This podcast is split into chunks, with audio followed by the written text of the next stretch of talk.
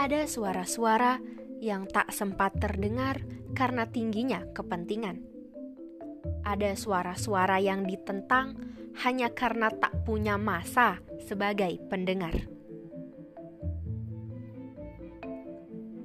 Pun ada suara-suara yang terdengar sebagai sebuah kebenaran hanya karena gemanya mengalahkan riak ombak.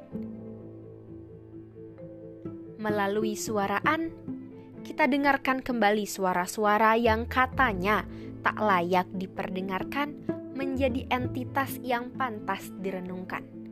Bersama saya Anissa Fadilah, muda bersuara, muda berkarya.